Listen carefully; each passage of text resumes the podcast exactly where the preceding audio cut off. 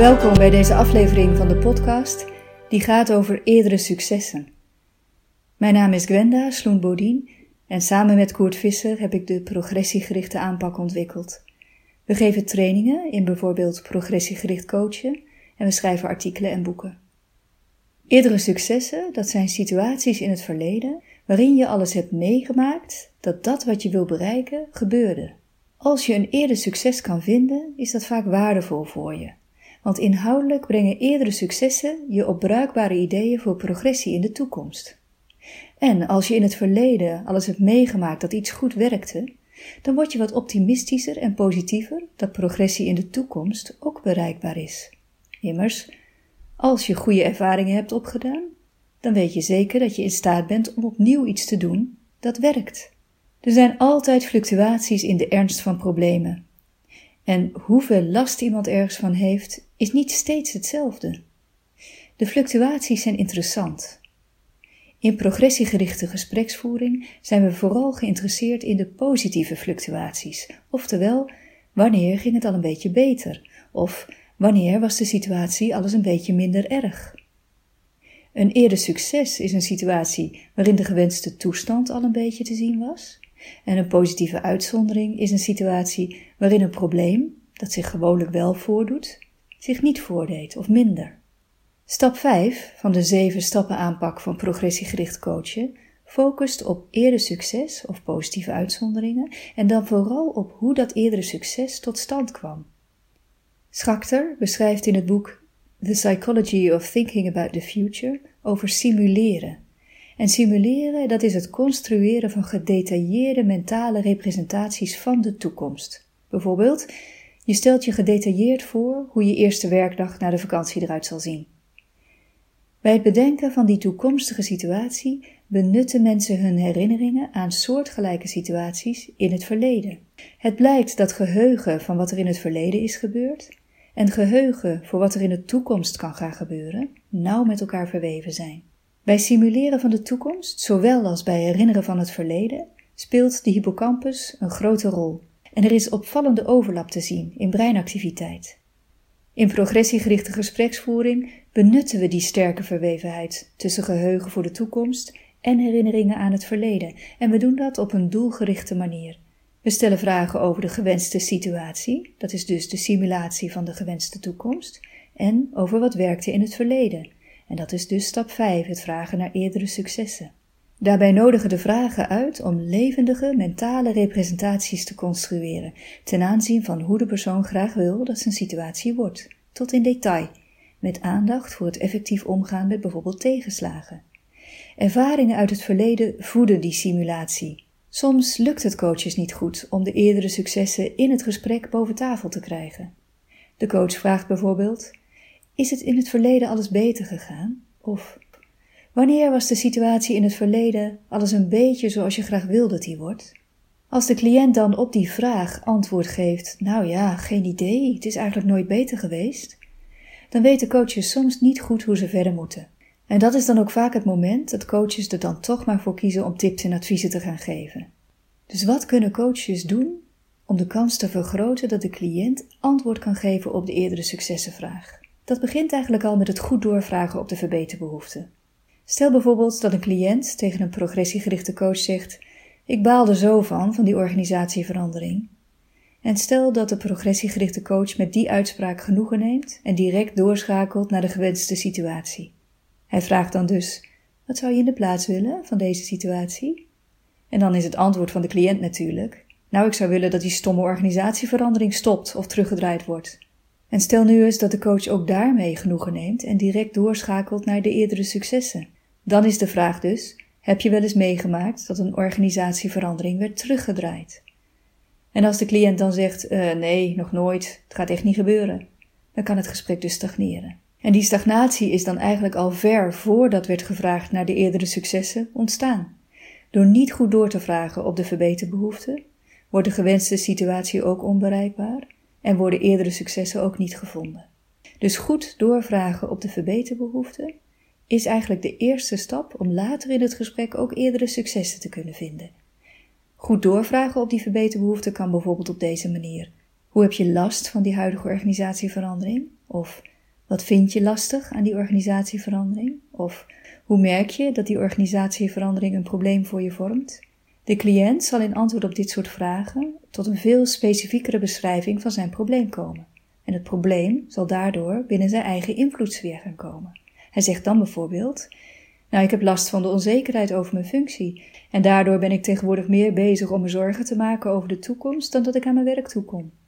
Als de coach nu doorvraagt op de gewenste situatie, dus wat wil je in de plaats van deze situatie? Dan zegt de cliënt zoiets als: Ja, ik zou wel graag willen bereiken dat ik me rustig concentreer op mijn werk, te midden van alle onzekerheid over de consequenties van de organisatieverandering. En deze gewenste situatie heeft naar alle waarschijnlijkheid wel een eerdere successen-equivalent. En de eerdere successenvraag luidt dan: zijn er wel eens momenten geweest de afgelopen periode dat je beter in staat was je rustig te concentreren op je werk? Dus als je als coach op een punt in je gesprek bent beland dat je cliënt geen eerder succes kan vinden, dan zou je kunnen proberen om terug te schakelen naar zijn verbeterbehoeften en zijn gewenste situatie.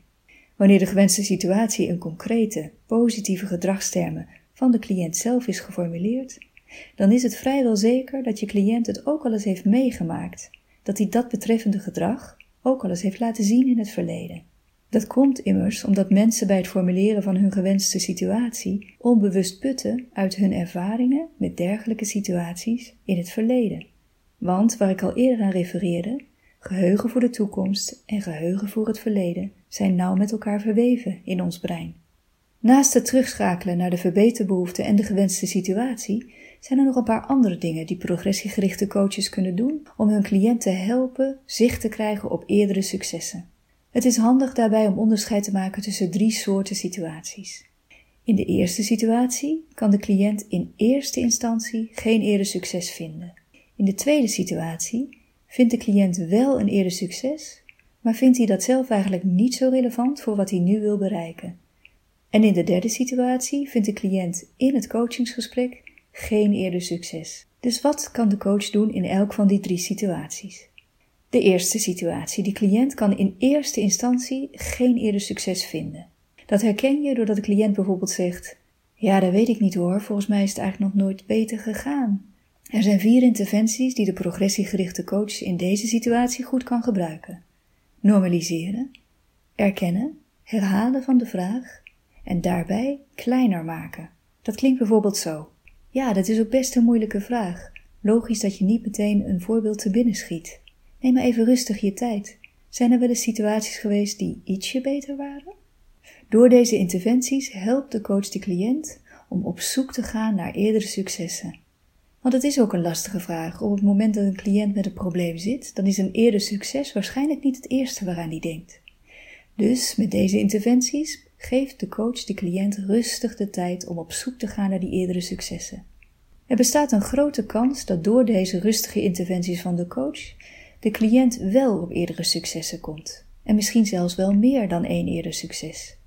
De tweede situatie is de situatie waarin de cliënt in eerste instantie een succes vindt wat hij zelf niet zo relevant vindt. Een voorbeeld ter illustratie. Stel je voor dat een cliënt graag wil bereiken dat hij in teamoverleg rustig blijft, ook als hij zich ergert. En stel je voor dat de coach vraagt: Is het je wel eens gelukt om in teamoverleg rustig te blijven, terwijl je je eigenlijk een beetje zat te ergeren? En stel nu dat de cliënt zegt: Nou ja, rustig blijven, dat is op zich niet zo'n probleem. Op feestjes bijvoorbeeld, als er iets geks wordt gezegd, dan lukt het me altijd heel goed om rustig te blijven. Maar ja, dat is niet mijn werk, hè? De cliënt vindt nu wel een eerder succes, maar hij vindt het eerder succes niet zo relevant voor wat hij wil bereiken. Hij wil immers rustig blijven in het teamoverleg. Dat het hem op feestjes lukt, ja, dat vindt hij niet zo relevant voor wat hij wil bereiken op zijn werk. Er zijn vijf interventies die de progressiegerichte coach nu kan inzetten om de cliënt te helpen in te zoomen op eerder succes. Progressiegerichte coaches sluiten altijd eerst aan op het perspectief van de cliënt voordat ze doorschakelen met een eventuele volgende vraag. Daarom is het in deze situatie goed om eerst aan te sluiten bij wat de cliënt net naar voren heeft gebracht en tentatief te gaan onderzoeken of dit een situatie is die de cliënt wellicht interessant zou kunnen vinden om eens nader te onderzoeken. De coach zegt dan bijvoorbeeld: Oh, dus op feestjes lukt het je wel goed om rustig te blijven. Is dat een situatie die misschien relevant voor je zou kunnen zijn om eventjes te onderzoeken hoe het je daar lukt? Op het moment dat de cliënt nu zegt, nou, wie weet, dat kunnen we wel doen, dan kan de coach gaan onderzoeken wat de cliënt op feestjes doet, wat hem zo goed helpt om rustig te blijven. Maar als de cliënt zegt, nou nee, dat denk ik eigenlijk niet. Weet je, op feestjes ja, ben ik gewoon ontspannender. Op mijn werk vind ik het belangrijk om professioneel te zijn. Dus ja, daar erger ik me ook vaker als mensen heel erg uitweiden of domme dingen zeggen. Als dit het antwoord is van de cliënt, dan is het niet zo logisch om door te gaan op het eerder succes op het feestje. Dat zou de cliënt alleen maar kunnen gaan ergeren, omdat hij het zelf immers niet relevant vindt. Op het moment dat de cliënt het wel relevant vindt om eens te onderzoeken wat goed werkt in die totaal andere situatie, dan kan de coach vragen: Wat werkte er goed in die situatie op dat feestje? Wat maakt het mogelijk voor jou? Hoe kun jij dan anders reageren op het moment dat er domme dingen worden gezegd?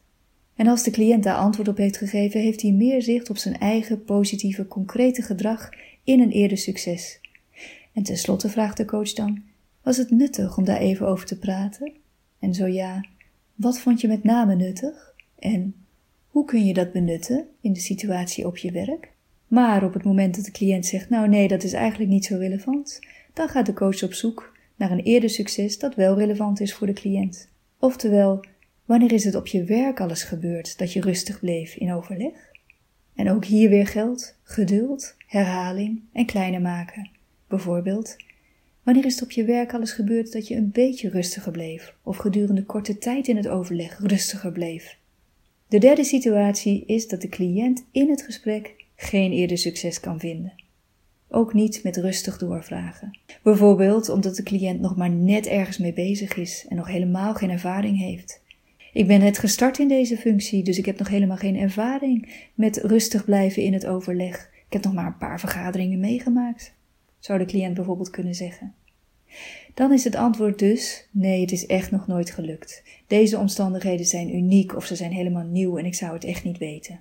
In deze situatie kan de progressiegerichte coach een paar dingen doen. Allereerst normaliseren, erkenning geven en vervolgens mandaat vragen om een observatiesuggestie te doen. Dat klinkt bijvoorbeeld zo. Nee, logisch dat je nu even geen eerder succes kunt vinden. Je bent nog heel nieuw hè, in deze organisatie. Dus zoveel situaties en teamoverleggen zijn er nog niet geweest. Zou ik je misschien een suggestie mogen doen? En als de cliënt daar ja op zegt, dan zegt de coach: Zou je de komende periode eens willen opletten wanneer het je lukt om in overleg rustig te blijven, terwijl je je eigenlijk misschien een beetje ergert? En hoe je dat dan voor elkaar krijgt? En zou je daar misschien dan een paar aantekeningen van willen maken?